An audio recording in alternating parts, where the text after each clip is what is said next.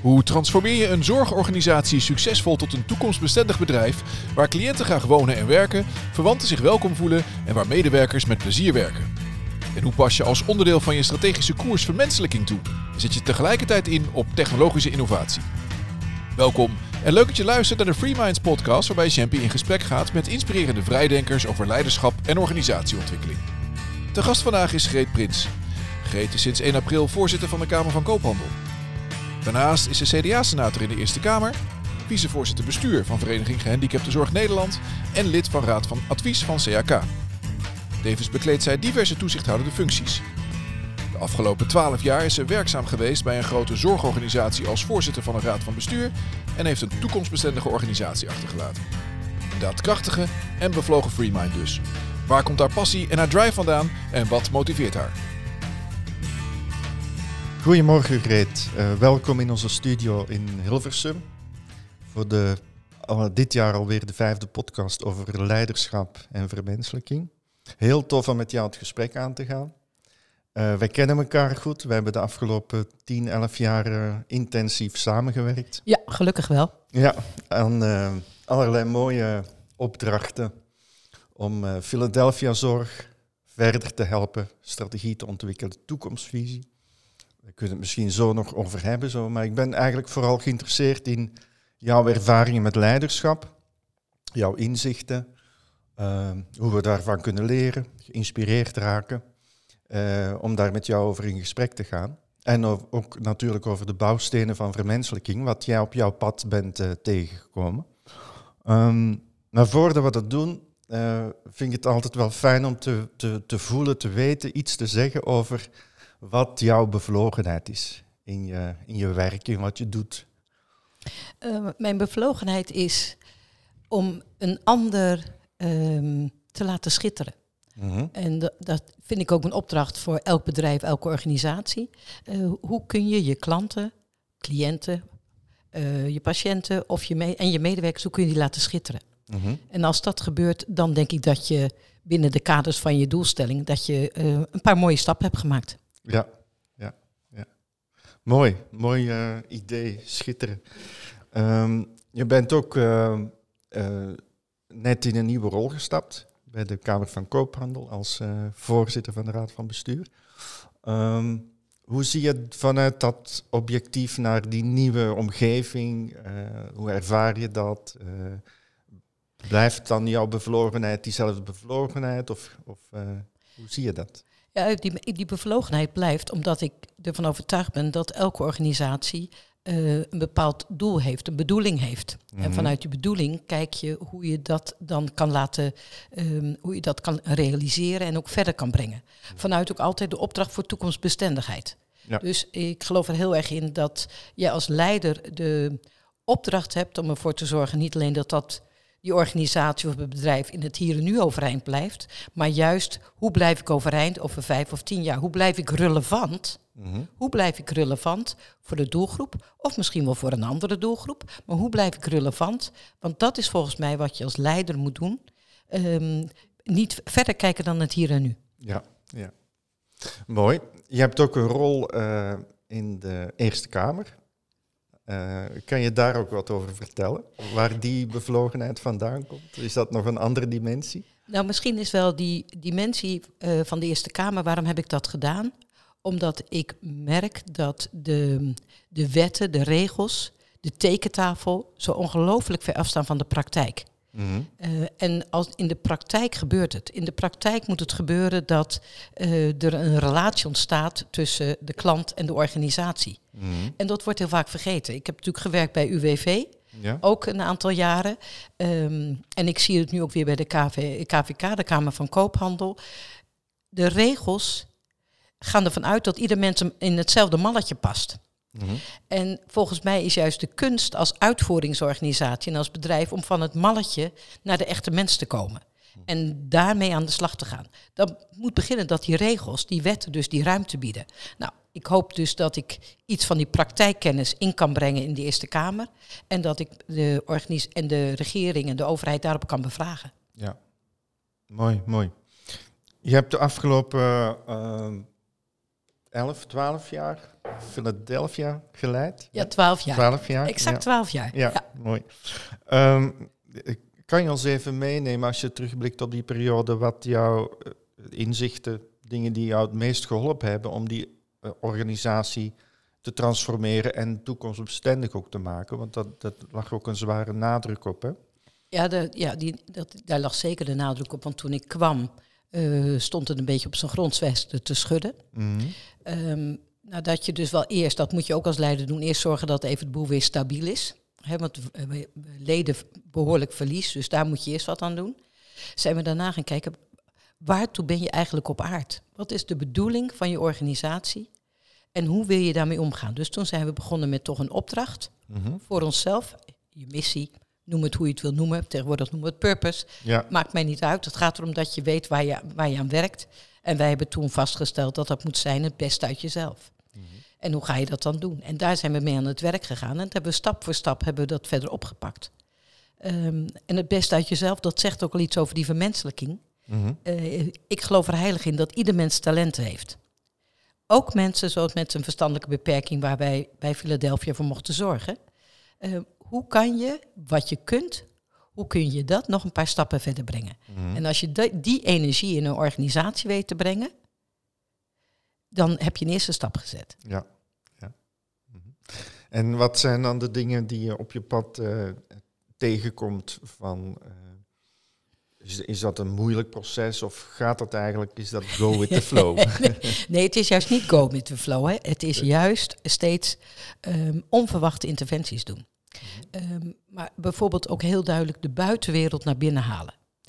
En ik merk bij zoveel organisaties, ook als je, ik, ik doe gelukkig ook een paar commissariaten en dan zie je dat het daar soms veel beter gaat. Bij commerciële organisaties, die zijn meer van die buitenwereld afhankelijk.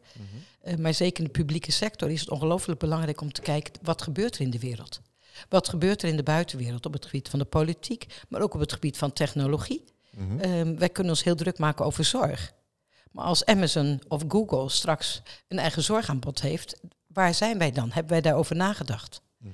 Eh, of als de technologie straks zorgt voor eh, sensors, waardoor een deel van onze klanten ons niet meer nodig hebben, wat een groot goed is voor de cliënten, laat dat helder zijn. Mhm. Maar hebben wij daar dan over nagedacht welke rol de onze is? En hebben we nog een rol of moeten wij dan onze focus verzetten?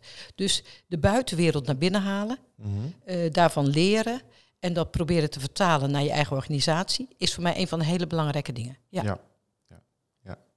Jullie hebben ook eh, bijzondere dingen gedaan om de, de binnenwereld, de medewerkers mee te nemen. Kun je daar wat over vertellen? Ja, dat, ehm, eh, wat we hebben gedaan is verder kijken dan alleen kennis overdragen. Mhm. Want dat is denk ik waar we allemaal hè, dat eh, op communicatie op intranet, af en toe nog een keer een tijdschrift of nog een keer een brief. Het is allemaal zenden. Moet ook. Hè? Proberen overtuigen. Het Ja. proberen te overtuigen. Moet ook. Hè? Dus Ja. het is niet dat dat niet moet, maar het heeft meer nodig. Ehm, het gaat uiteindelijk om wat voel je in je hart en wat voel je in je buik. Want dan ga je ook je gedrag veranderen. Dan krijgen mensen ook energie. Dan voelen ze vrijheid. Dus vanuit dat perspectief hebben we gezegd: hoe kunnen we de mensen, de medewerkers, hoe kunnen we ze raken? Mhm. Eh, en wij zijn toen begonnen ehm, de eerste keer door eh, gewoon een theaters op het podium te doen. Mhm. Eh, maar altijd weer dan, je laat stukken zien, theaterstukken, toneelstukken, vanuit de praktijk van alle dag. Hoe het kan, hoe het is dat, en hoe het zou kunnen. Zodat het, op het, het aansluit bij de belevingswereld van je medewerker. Ja. Dus niet hoog over, maar direct. En dat met een lach en een traan, Mhm. maar zodanig dat de mensen het in hun buik voelen. Ja. En dat is wat ik denk wat, eh, wat, wat je gaat helpen. Want mensen praten daar nog jaren over. Ja, ja. Mooi. mooi. Mooi gezegd ook, ja. Ehm, nou, je hebt eh, een tijdje geleden afscheid genomen. Ik was er ook bij, bij, bij Philadelphia. Eh, toen ging het ook over het leiderschap van Geet. Kun je, kun je daar wat over vertellen? Wat jou daarin is opgevallen? Of, is wel een markeerpunt, hè, waarin mensen ook eh, dingen over jou gezegd hebben. Dat is vaak ook heel tof om te horen. Eh, kun je daar iets over delen? Ja, dat was geweldig. Ik had een geweldig afscheid. Je hebt er iets van, eh, van meegemaakt. Nou, dat was grandioos, zelfs in coronatijden hoe ze dat hebben gedaan. En wat ik wel heel mooi vond, is dat ehm, ze hebben anderen gevraagd hoe ze mijn leiderschap hebben ervaren. Mhm. En eh, ik heet Greet en ze hebben mij ook een boekje gegeven met gretig leiderschap. Ja. Eh, en daar was, ik, daar was ik best wel een beetje trots op. Mhm. Eh, dat datgene wat jij beoogt, dat dat ook af en toe wordt gezien. Mhm. Want je kan een heleboel willen, maar het moet ook gezien worden, het moet gedragen worden, het moet geaccepteerd worden. Dat is ook je opdracht. En als ik dan zie dat ze zeggen, jij zet altijd de klant als nummer één. Mhm. Eh, je vond nieuwsgierigheid ongelooflijk belangrijk. Eh, je ging ervoor. Ze Mhm. noemden dat dan keurige vechtlust. Ja. Ehm, de toekomstgerichtheid. Dus een aantal zaken die ik probeer over te brengen. eh, die zijn uiteindelijk ook op een bepaalde manier geland. En daar was ik wel heel blij mee. Ja, Ja. ja. En gewaardeerd door anderen. ja, zeker. Ja. Mooi, mooi. Ja. Even terug naar vermenselijking. Je had er net al wat over gezegd. Wij denken echt dat na 250 jaar eh, industrialisering van organisaties, hè, steeds meer op eff- efficiency. En op zich is dat goed natuurlijk. Dat heeft ons heel veel gebracht. eh, grootschalig tegen ja, goede voorwaarden, eh, mooie dingen kunnen doen, scheppen. Organisaties efficiënter maken en zo. Maar we zijn nu toe aan, is onze overtuiging, eh, veel meer mensgerichte organisaties creëren. En Purpose was daar een eerste stap in. Hè. Zoek toch naar hoe kunnen we het eh, menselijker, impactvoller, positieve impact voor mensen en maatschappij doen. Ehm, wat zijn jouw inzichten op dat vlak eh, rondom, want jullie zijn ook functiebenamingen anders gaan doen, ook om die menselijke maat erin te brengen. Ja, je kan het op zoveel manieren doen. Ik Ja. moet denken, als jij hier de menselijke maat noemt, moet ik denken aan mijn tijd bij UWV. Mhm. En daar zijn we toen al begonnen. En dat is toch in de, de, eh, zo rond 2005, 2006 tot 2009 begonnen met eh, een campagne Dossier wordt mens. Mhm. Eh, omdat we ook bij UWV gingen we heel erg uit van het juridische systeem. Mhm. En ieder mens hoort dus in een malletje te, te pakken. En het gaat er dus juist om dat je niet naar dat malletje kijkt, maar die mens en dat wel binnen bepaalde kaders. Mhm. Eh, dus de menselijke maat begon daarom met dossier wordt mens. Mhm. Het tweede wat de menselijke maat is, wat je ook ziet, wat nu echt een issue is. Alles is gebaseerd op wantrouwen in de wet en regelgeving. Mhm. Ik chargeer het wat, maar in de kern is dat wel waar het om gaat. En ik zou zo graag willen uitgaan van vertrouwen. Mhm. Ik kan je een mooi voorbeeld geven. Als ehm, mensen krijgen dan een uitnodiging van de verzekeringsarts. Mhm. En die bellen dan en die zeggen dan bijvoorbeeld... mijn schoonmoeder wordt die dag begraven, dus ik wil graag een andere afspraak. Vroeger, dat was nog maar heel kort geleden, kon dat niet. Want dit was de afspraak en ze bedenken maar dat die schoonmoeder is overleden. En ik heb juist gezegd, laat nou eens andersom doen. En dat helpt namelijk je digitalisering. Mhm. Ieder krijgt de ruimte om één of twee keer af te zeggen. Als het een derde keer is, en dat zie je dankzij de digitalisering komt dat naar voren, dan moet je je afvragen, iemand heeft geen drie schoonmoeders. Ik bedoel, hè, dus eh, de meeste mensen niet. Dus dan klopt er iets niet. Mhm. Maar ga nou, eens- maak nou die mindshift. En ik hoop echt dat we dat in Nederland nu ook breed gaan doen. De mindshift van vertrouwen, Mhm. zonder gek Henkie te zijn. Ja. En daar kan ehm, digitalisering je enorm bij helpen. Mhm. Ehm, dus die menselijke maat, eh, dat is volgens mij de kern van je succes. Mhm. En dat geldt zeker bij overheidsorganisaties, maar ook in de zorg. Maar het gaat ook om kleine dingen. Mhm. Ehm, zorg dat er een glimlach komt. Eh, ook zelfs bij je kantoorindeling. Ge- gebruik kleur. Eh, en gebruik niet is voor alles zwart-wit. Nee, maak er, maak er kleur van. Ja. De benamingen van je eh, vergaderzalen. Mhm. Kamer 112. Nou, daar heb je geen zin om heen te gaan. En als ik zeg, ga naar kamer krentje, eh, krentenbroodje... dan gaat, komt er gelijk een glimlach op je gezicht. Ja. Ja. Dus al die dingen bij elkaar, dat geldt ook voor titels van functies. Denk na over wat een woord kan doen. Een, bijvoorbeeld, wij hadden bij Philadelphia eerst ehm, beeldzorg. Digitale beeldzorg. Voor digi Niemand wilde dat. Want de mensen met een lichtverstandelijke beperking, waar deze dienst voor was bedoeld, die wilden helemaal geen zorg. Ben je gek? Die wilden helemaal geen zorg.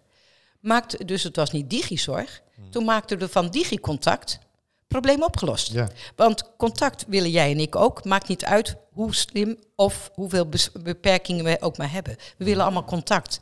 Dus woorden Mhm. doen ertoe. En je moet nadenken over woorden, omdat je op die manier iets van je overtuiging, van je gevoel, van, je, van die menselijke maat kan laten zien. Ja.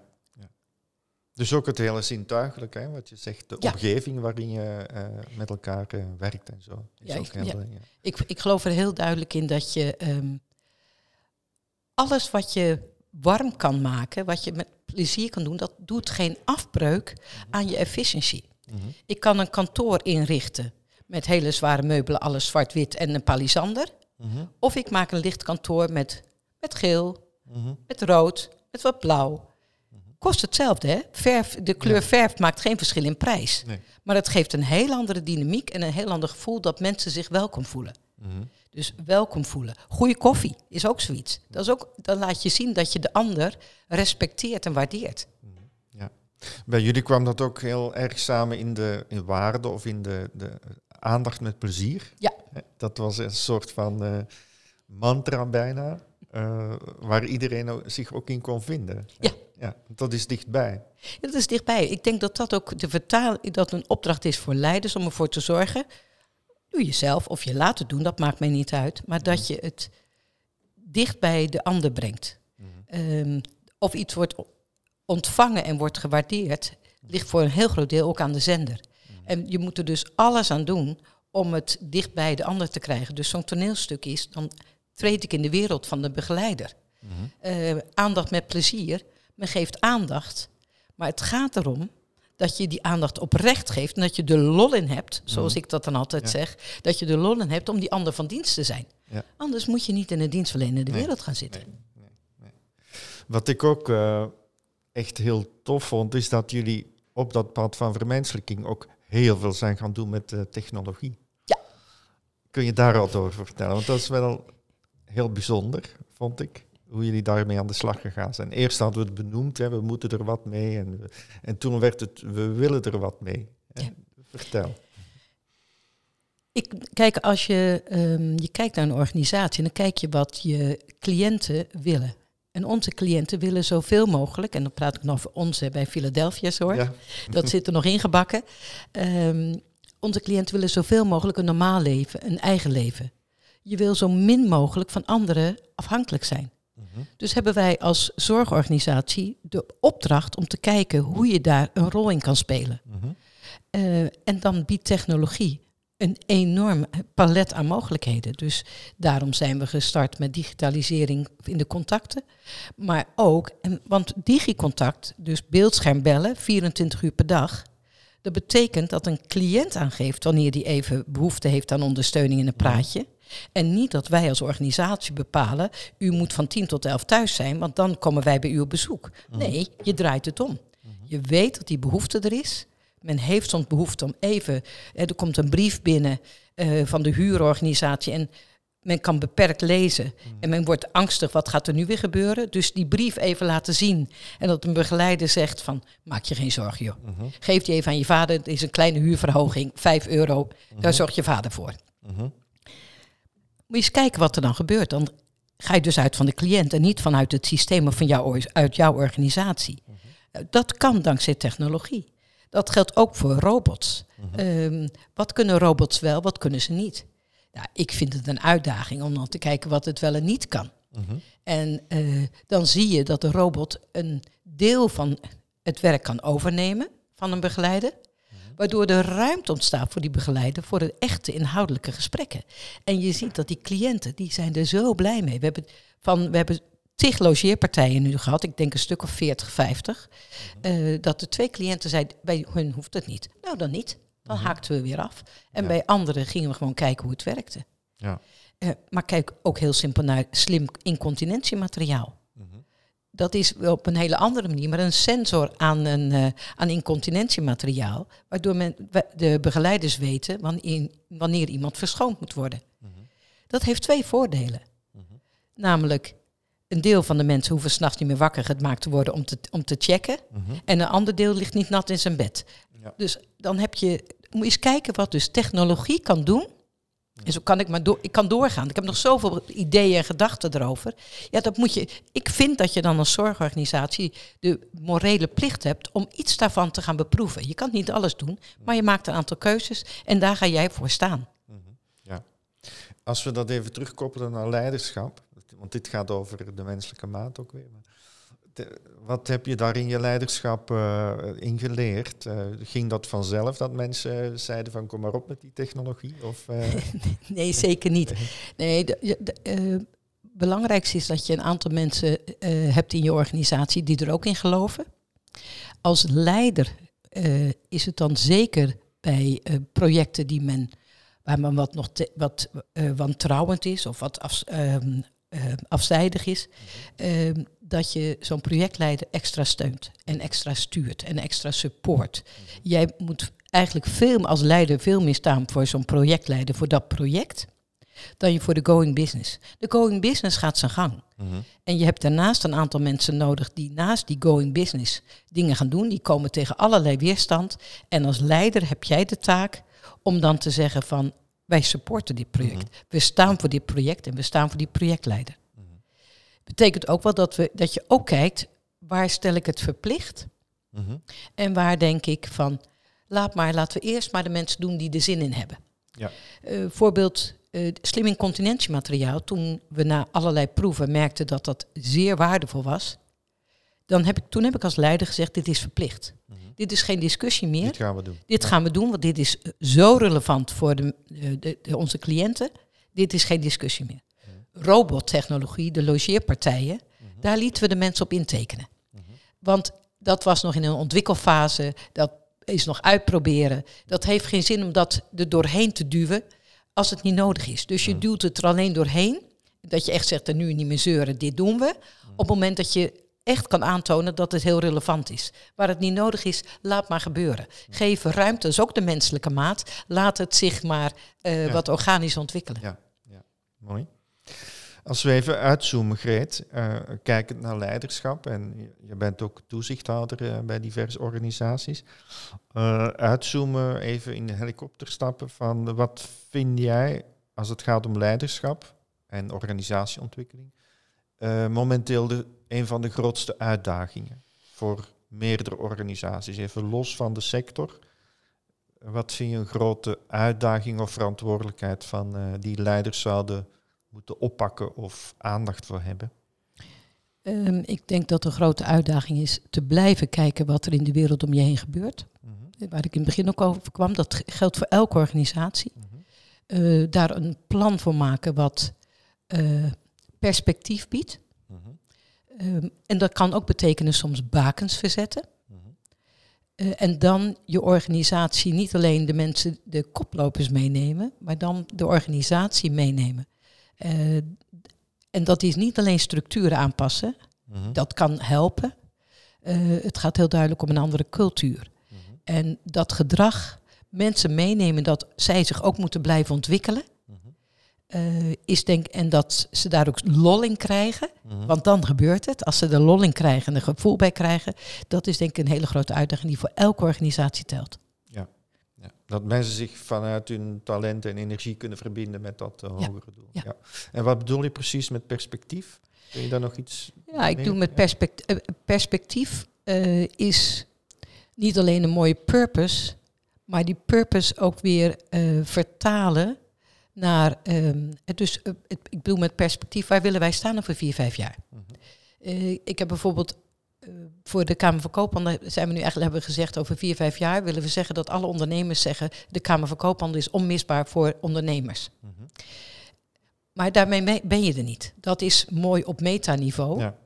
Nou moet je dat gaan vertalen naar de dagelijkse praktijk van de ondernemer in zijn relatie tot de Kamer van Koophandel. Of nou vertaal je het voor die begeleider in relatie tot de cliënt en de familie van die cliënt. Dus dan daar, ehm, ja, ik Dus zou bij het de story, een soort storytelling is Ja. het dan toch wel. Ja, ik, daar geloof ik heel erg in. Ja. En het heel erg vertalen naar mentaliteit en gedrag, wat hoort bij Ja. wat we met elkaar Ja, willen. laat, laat, en, en laat het ook maar zien. Ja. Want ehm, wij verwachten soms met woorden dat iedereen begrijpt wat wij bedoelen. Maar ieder mens heeft, geeft een andere interpretatie aan die woorden. Dus concreet voorbeeldgedrag, dat heb ik wel geleerd ook. Dat, dat heb, wist, had ik me in het begin niet zo beseft.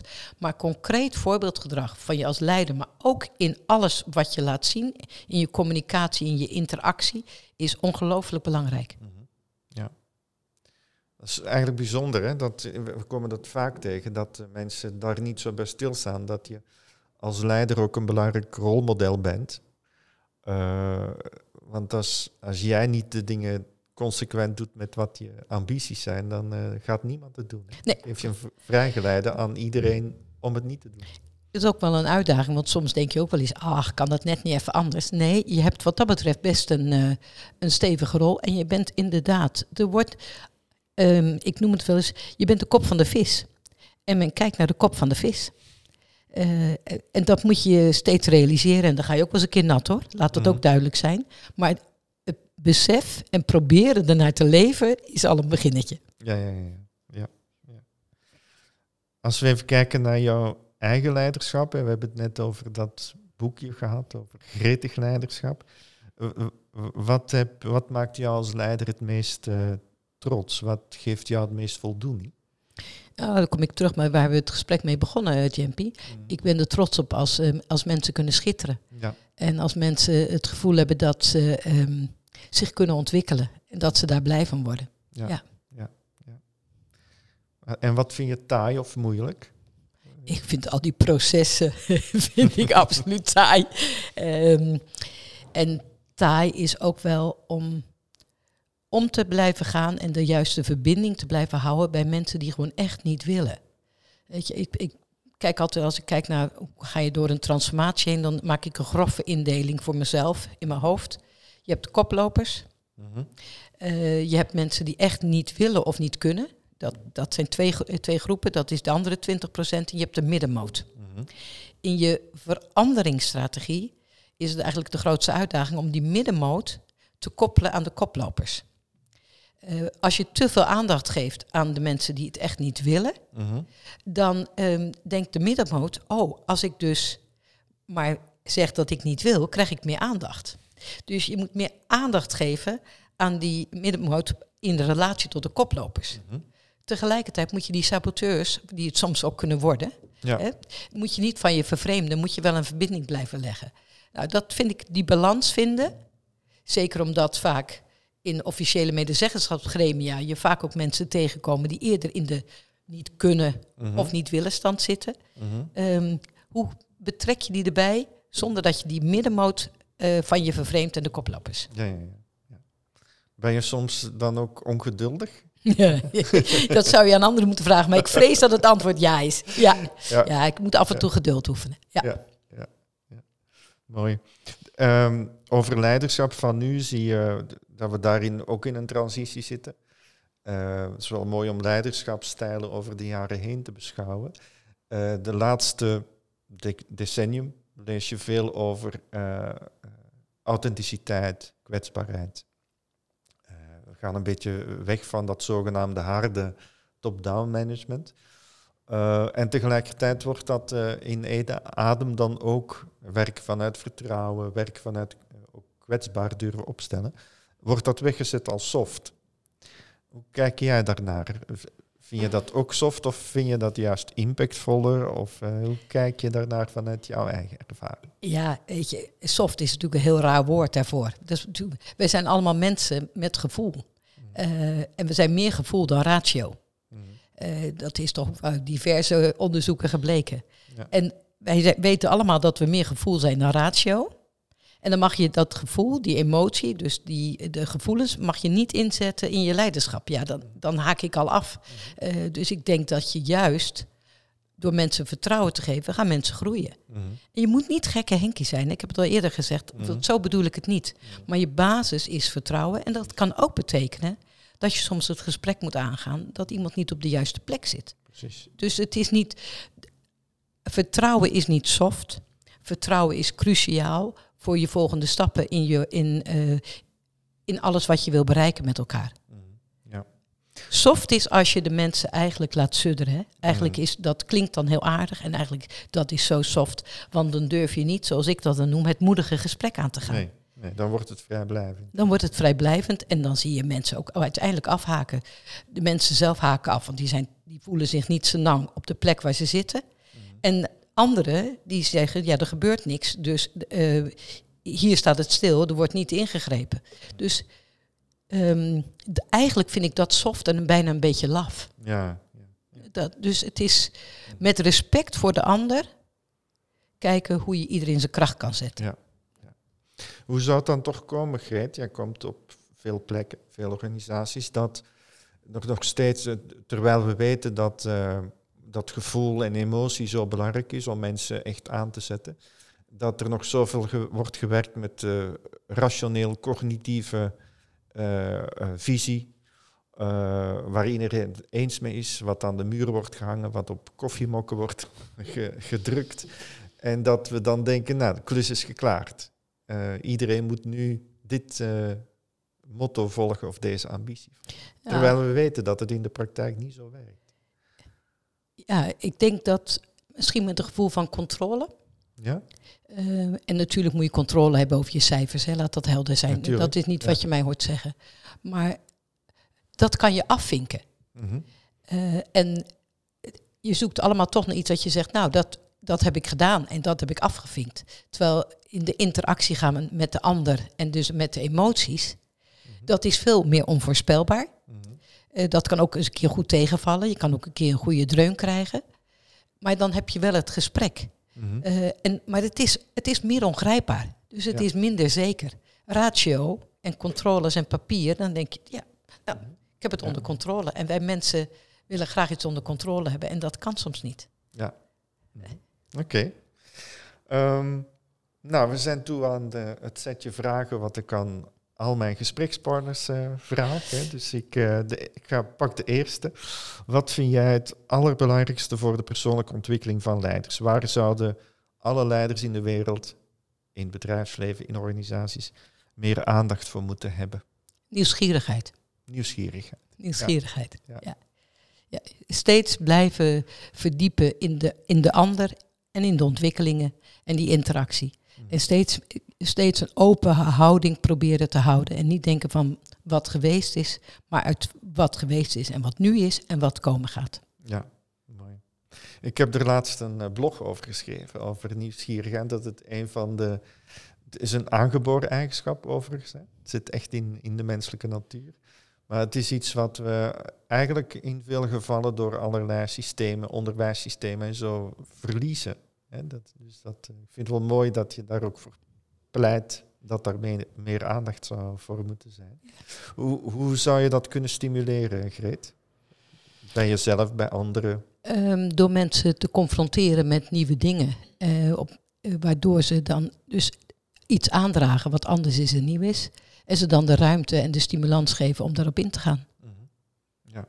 En ook niet gelijk oordelen daar dan over. Nee, niet gelijk oordelen, in tegendeel. Ja. ja, ja. Wat zouden, dat gaat over gedrag, wat zouden leiders eh, meer moeten of vaker moeten doen? Ja, ik weet niet hoe dat met andere leiders zit natuurlijk. Hè.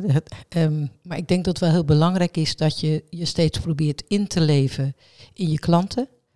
En dat je probeert in te leveren in het werk eh, wat de mensen doen. Eh, op, op de werkvloer. Dat is een vreselijk woord natuurlijk, maar ik noem het altijd eigenlijk het echte werk. Ehm, je bent zo gauw, word je opgesloten in de staf en in allerlei bestuurlijke eh, trajecten. Ook belangrijk, moet je ook doen. Maar dan blijven praten vanuit wat er op de werkvloer en wat er in het echte werk gebeurt. En steeds daarop terugdenken, dat, denk, dat vind ik heel belangrijk. Mooi.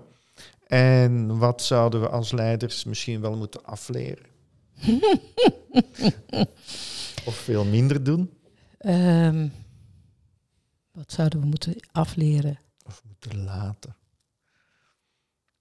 Ehm, proberen de ander ruimte te geven. Ehm, dat, valt niet, dat valt mij niet altijd mee. Als ik denk van, gaat dit goed? Ik kan heel makkelijk ruimte geven aan mensen waarvan ik denk, oh, te gek. Die weten wat, het, wat er gebeuren moet. En van die mensen hoor ik altijd terug dat ze ongelooflijk veel ruimte hebben gekregen. Mhm. En nou is denk ik de uitdaging om bij die mensen waar je dat niet onmiddellijk van verwacht, om dan toch die ruimte te geven. Mhm. Dat misschien meer voor mezelf dan dat ik dat voor een ander kan zeggen. Ja, ja, ja. Oké. Nou, en welk boek, film of uh, andere bron zou je uh, onze luisteraars willen aanbevelen? Wat jou heeft geraakt of geïnspireerd? Nou, ik zou sowieso de mensen willen aanraden om gewoon uh, literatuur, romans, mm -hmm. historische romans en biografieën te lezen. Uh, want dan, dan zie je wat het echte leven is. Want wat, het echte leven is soms nog spannender dan in boeken, maar dan heb je in ieder geval krijg je er een gevoel bij. Mm -hmm. Dan krijg je een gevoel van de psychologie van de mens, want die komt terug in literatuur. Uh, dus daar heb ik heel veel aan. Mm -hmm. uh, af en toe lees ik ook best een managementboek. En wat een boek is wat ik echt, wat me echt wat heeft gedaan, wat ik ook aan mijn dochter heb gegeven, is van Brené Brown, Durf te leiden. Ja. En dat gaat ook eigenlijk uit van datzelfde, van je gevoel, van je uh, emoties, om die optimaal in te zetten en je daarbij niet kwetsbaar te voelen, maar die juist uh, op een goede manier te gebruiken. En dat vond ik heel mooi. Ja. ja als een kracht in Als een kracht, ja. ja. Mooi. Mooi. Dankjewel Greet voor dit mooie gesprek. Met plezier. En ik wens je veel succes in je nieuwe uitdaging.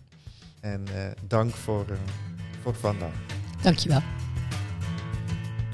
Opgenomen in de Skylounge studio van Fresh Forward in Hilversum was dit de Free Minds podcast van Lunar Institute. Heb je met plezier geluisterd? Deel je enthousiasme dan in je netwerk. En kom je graag in contact met andere vrije denkers en wil je je aansluiten bij onze community of Free Minds? Check dan ook onze website lunarinstitute.com. Op onze site vind je ook uitgebreide informatie over onze leiderschapsprogramma's. Voor nu bedankt voor het luisteren en tot de volgende maand.